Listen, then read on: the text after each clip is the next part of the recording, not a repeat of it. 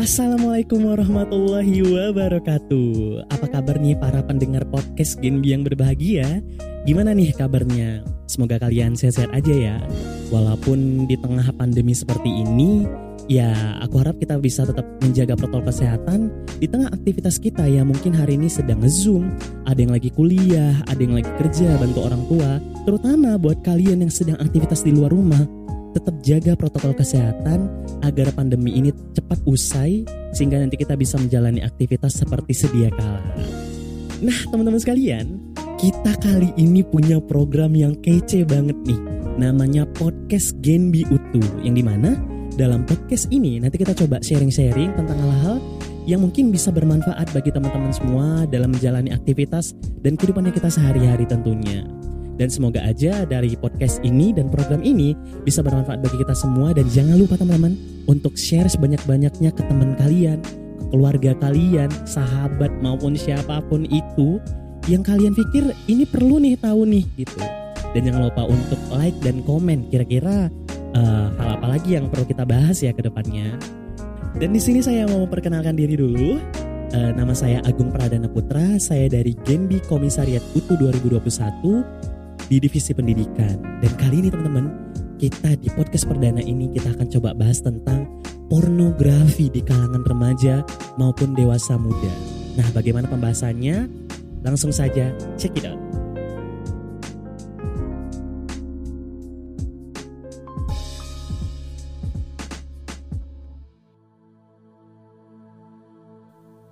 persen dari semua halaman web di internet adalah konten pornografi. 62,1 persen anak perempuan dan 93,2 persen anak laki-laki, ini hampir keseluruhannya, itu pernah melihat pornografi di bawah umur 18 tahun. Bahkan hampir 25 persen permintaan mesin pencari di internet itu terkait dengan seks. Dan 35% unduhan di internet adalah pornografi. Data statistik ini disajikan oleh sebuah lembaga rehabilitas yaitu The Recovery Village dalam sebuah kampanye penanganan kecanduan pornografi di tahun 2020. Dan seperti yang kita ketahui bahwa pasti banyak dari pendengar Genbi Podcast kali ini pernah mendengar berita baik di internet, koran, Instagram, berita, TV maupun media-media yang selainnya yang di mana banyak kasus pelecehan seksual, kekerasan seksual yang diawali karena menonton konten pornografi. Dan dari sini timbul pertanyaan bahwa kenapa sebegitu kuatnya, kenapa sebegitu kerasnya pemerintah melakukan pemblokiran kepada website-website maupun situs pornografi di Indonesia? Kenapa sampai ada aksi pelecehan ataupun kekerasan seksual di Indonesia? Dan kenapa sampai pornografi ini dilarang? Emang seperti apa? Emang seberapa bahayanya? Emang kalau misalnya kita nonton pornografi itu efeknya apa gitu? Nah, kali ini kita akan coba bahas tuntas sesimpel dan sesederhana mungkin yang insya Allah bisa dipahamin oleh teman-teman semua. Kita akan coba sharing di sini tentang apa sih pornografi itu, seberapa bahayanya dan bagaimana orang bisa sampai candu karena pornografi ini. Oke, jadi kita harus tahu dulu nih definisi pornografi ini apa sih? Nah, menurut Undang-Undang Nomor 44 Tahun 2008 tentang pornografi, pornografi adalah gambar sketsa, ilustrasi, foto, tulisan, suara, bunyi, gambar bergerak, animasi, kartun, bahkan percakapan, gerakan tubuh, atau bentuk pesan lainnya melalui berbagai media, komunikasi, atau pertunjukan di muka umum yang memuat kecabulan, atau eksploitasi seksual yang melanggar norma kesusilaan dalam masyarakat adalah pornografi. Nah, jadi sederhananya adalah apa pun itu bentuk pesannya, baik gambar, video, tulisan, bahkan suara yang memuat eksploitasi seksual dan melanggar uh, kesusilaan dan etika, itu bisa kita katakan adalah pornografi. Nah, jadi sobat Genbi sekalian, di dalam otak kita terdapat substansi atau Simpelnya tuh kita bisa bilang zat yang disebut dengan dopamin. Nah, dopamin ini adalah zat yang membuat kita tuh bahagia, seneng ngelakuin sesuatu gitu. Semisal bagi teman-teman yang hobi main musik, nyanyi atau olahraga mungkin. Nah, jadi zat ini tuh berfungsi untuk membuat kita bahagia. Kok bisa kita bahagia karena zat ini? Nah, jadi zat dopamin ini dialirkan ke bagian otak kita yang disebut dengan sistem limbik. Nah, sistem limbik ini penting untuk proses pembelajarannya kita. Nah, jadi makanya uh, zat dopamin ini punya sebutan lain yaitu the feel good hormone atau hormon yang membuat kita seneng atau bahagia ngelakuin sesuatu. Nah, dan uniknya dari tubuh kita teman-teman, tubuh kita ini punya sistem yang keren banget gitu, yang di mana kita tuh punya sistem kontrol yang kita nggak bisa melakukan aktivitas itu terus menerus gitu loh. Nah jadi kayak ibarat kayak fisik kita ini punya tombol switch off on-nya gitu. Nah jadi semisal kita misalnya suka makan sate nih gitu. Kita makan sate, kita makan, kita seneng nih ya kan karena uh, sate itu makanan kesukaannya kita, kita makan, kita makan sampai titik di mana kita itu udah kekenyangan. Ketika kita kekenyangan, kita nggak mau makan lagi, kita nggak seneng lagi, kita nggak bahagia lagi. Nah, ketika kita sampai di titik itu, itu adalah titik di mana zat dopamin yang dialirkan itu sudah berhenti gitu. Jadi kita nggak ngerasain bahagia lagi seperti di awal tadi. Contoh lain seperti kita misalnya olahraga uh, naik sepeda misalkan. Kita naik sepeda, kita hobi naik sepeda, kita goes, kita kayu sepeda kita, kita seneng keliling-keliling sampai titik di mana kita tuh udah capek, udah letih, kita nggak bahagia lagi untuk dayung sepeda kita gitu, untuk bersepeda lagi karena udah capek gitu.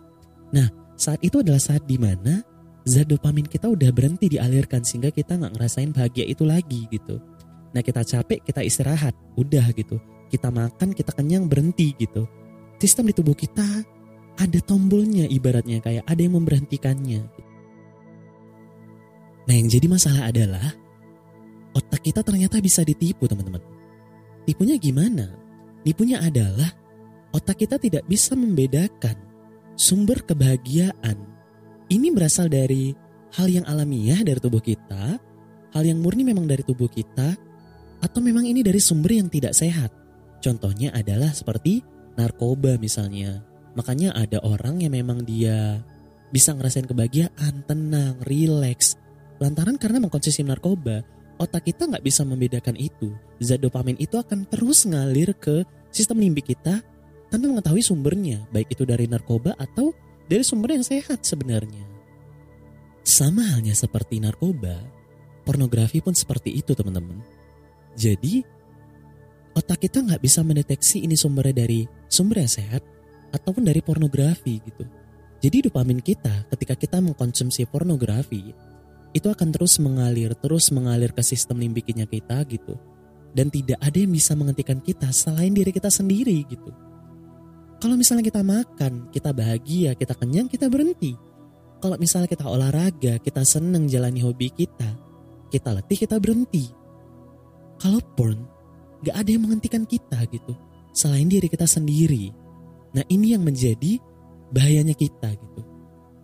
Sampai di mana ketika zat dopamin ini terus dialirkan, terus dialirkan, terus dialirkan ke otak kita, hingga terjadi namanya ledakan dopamin. Dan hal inilah yang sangat berbahaya bagi otak kita teman-teman. Ketika ini terjadi terus-menerus, terus-menerus, maka otak kita akan terjadi yang namanya desentisasi reseptor dopamin. Apa itu? Ya, pada intinya adalah otak kita itu daya sensitivitasnya itu udah rendah gitu. Kita pengen hal lebih lagi, kita pengen hal lebih lagi. Kita pengen dopamin yang lebih banyak lagi, dopamin yang lebih besar lagi gitu. Untuk membuat kita lebih puas, untuk membuat kita lebih senang, untuk membuat kita lebih bahagia gitu. Nah contoh sederhananya adalah, inget gak waktu kecil dulu sebelum kita sekolah kita kan kayak dijajanin tuh sama orang tuanya kita. Sampai kita sekolah, waktu SD pertama kali sekolah kita dikasih uang 5 ribu nih. Kita seneng banget di situ dikasih uang 5 ribu. Nah sampai tiap hari dikasih 5 ribu, tiap hari dikasih 5 ribu. Sampai kita SMP tetap dikasih 5 ribu gitu. Kita nggak seneng lagi gitu, kita pengen 10 ribu gitu. Nah artinya kita pengen hal yang lebih untuk kebahagiaan yang sama yang kita rasain dulu waktu pertama kali masuk sekolah sama halnya kayak pornografi gitu. Kita pengen lebih lagi, kita pengen lebih lagi Karena apa? Karena sensitivitas otak kita itu udah berkurang gitu. Sehingga kita butuh dopamin untuk kebahagiaan yang lebih lagi gitu. Selain itu, efeknya dari pornografi ini juga cukup banyak ya teman-teman ya. Salah satunya adalah menurut penelitian, otak orang yang sering mengkonsumsi pornografi, otaknya itu tidak aktif dan koneksi antara neuronnya itu juga nggak bagus seperti orang-orang yang nggak nonton pornografi ataupun jarang banget nonton pornografi. Nah, kualitas otaknya itu menurun gitu. Daya konsentrasinya, kefokusannya, ingatannya, dan cara berpikirnya, kekritisannya itu akan berkurang seiring dia semakin sering menonton pornografi. Dan um, otak kita ini juga punya sifat yang namanya neuroplastisitas teman-teman.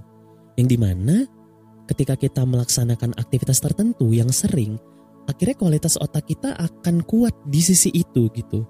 Nah jaringan di otak kita yang disebut dengan neural pathway akan semakin kuat gitu. Nah makanya itu ketika ada orang yang memang mungkin sering ngitung gitu, sering belajar matematika, maka dia pinter banget tuh di matematikanya. Ada orang yang mungkin dia sering belajar piano, sering belajar musik gitu. Nah sehingga nanti karena aktivitasnya yang sering itu akan membentuk jaringan di otak dia, neural pathway dia semakin kuat gitu. Dan begitu juga dengan orang-orang yang mungkin kayak belajar sejarah, sering baca, sering melihat, sering mendengar, akhirnya otaknya itu semakin inget gitu. Hmm, sederhananya gini, otak kita hukumnya adalah hal yang tidak dipakai akan dibuang dan yang dipakai akan bertambah kuat. Jadi bayangkan aja kalau kita di sini sering mengkonsumsi pornografi dan kita candu terhadap itu, maka neural otak kita akan terfokus tentang hal-hal pornografi dan fungsi-fungsi lain otak kita untuk menghitung, untuk menimbang baik buruk, untuk berpikir kritis, dan hal-hal atau fungsi-fungsi lain dari otak kita akan berkurang. Dan tahukah teman-teman bahwa orang yang sering mengkonsumsi pornografi, bagian di dalam otaknya yang disebut dengan PFC atau prefrontal cortex, itu akan mengalami penyusutan. Emang efeknya apa? Efeknya adalah daya kognitifnya itu akan berkurang. Dia sulit konsentrasi, dia sulit untuk mengingat gitu. Dia juga bingung untuk membuat keputusan gitu. Dan dia juga sulit untuk mempertimbangkan antara baik dan buruk gitu. Buat teman-teman yang nggak tahu PFC, teman-teman boleh pegang kening depan teman-teman semua. Di situ letak PFC-nya kita dan itu akan semakin menyusut ketika kita sering mengkonsumsi pornografi. Dan ini sangat-sangat menyayangkan sekali ya teman-teman semua. Yang di mana masa iya kita mau masa depan kita dirusak hanya karena dengan kecanduan pornografi ini gitu. Nilai kita jelek, kuliah kita rusak, hubungan sosial kita tidak baik, komunikasi kita nggak nyambung, nggak bisa konsentrasi, nggak bisa fokus, nggak bisa bertanggung jawab atas dirinya sendiri, nggak bisa memutuskan yang mana yang baik dan yang mana yang salah. Ini kan sangat menyayangkan sekali. Masa iya kita sebagai generasi baru Indonesia, penerus bangsa, harus dirusak karena pornografi ini? Itulah sedemikian pentingnya kita untuk menjaga diri, self control kita terhadap bahaya dari porn addiction ini. Tadi kan kita udah denger tuh tentang definisi daripada pornografi, uh, proses kecanduannya dan juga seberapa bahayanya sih pornografi itu buat kita. Ya semoga aja sharing kita hari ini bisa bermanfaat bagi kita semua dan aku harap kita bisa menjadi pelopor bagi diri kita sendiri maupun orang lain yang mungkin hari ini sedang berjuang untuk berhenti daripada porn addiction. Dan saya harap kita bisa sama-sama menjaga diri kita, self control diri kita untuk terhindar jauh-jauh daripada porn addiction atau kecanduan pornografi ini dan semoga kita bisa sama-sama membangun masa depan bangsa kita lebih baik lagi. Ya, itu dia sharing kita hari ini tentang pornografi. Sekian dari aku, Agung Pradana Putra. See you next class. Assalamualaikum warahmatullahi wabarakatuh.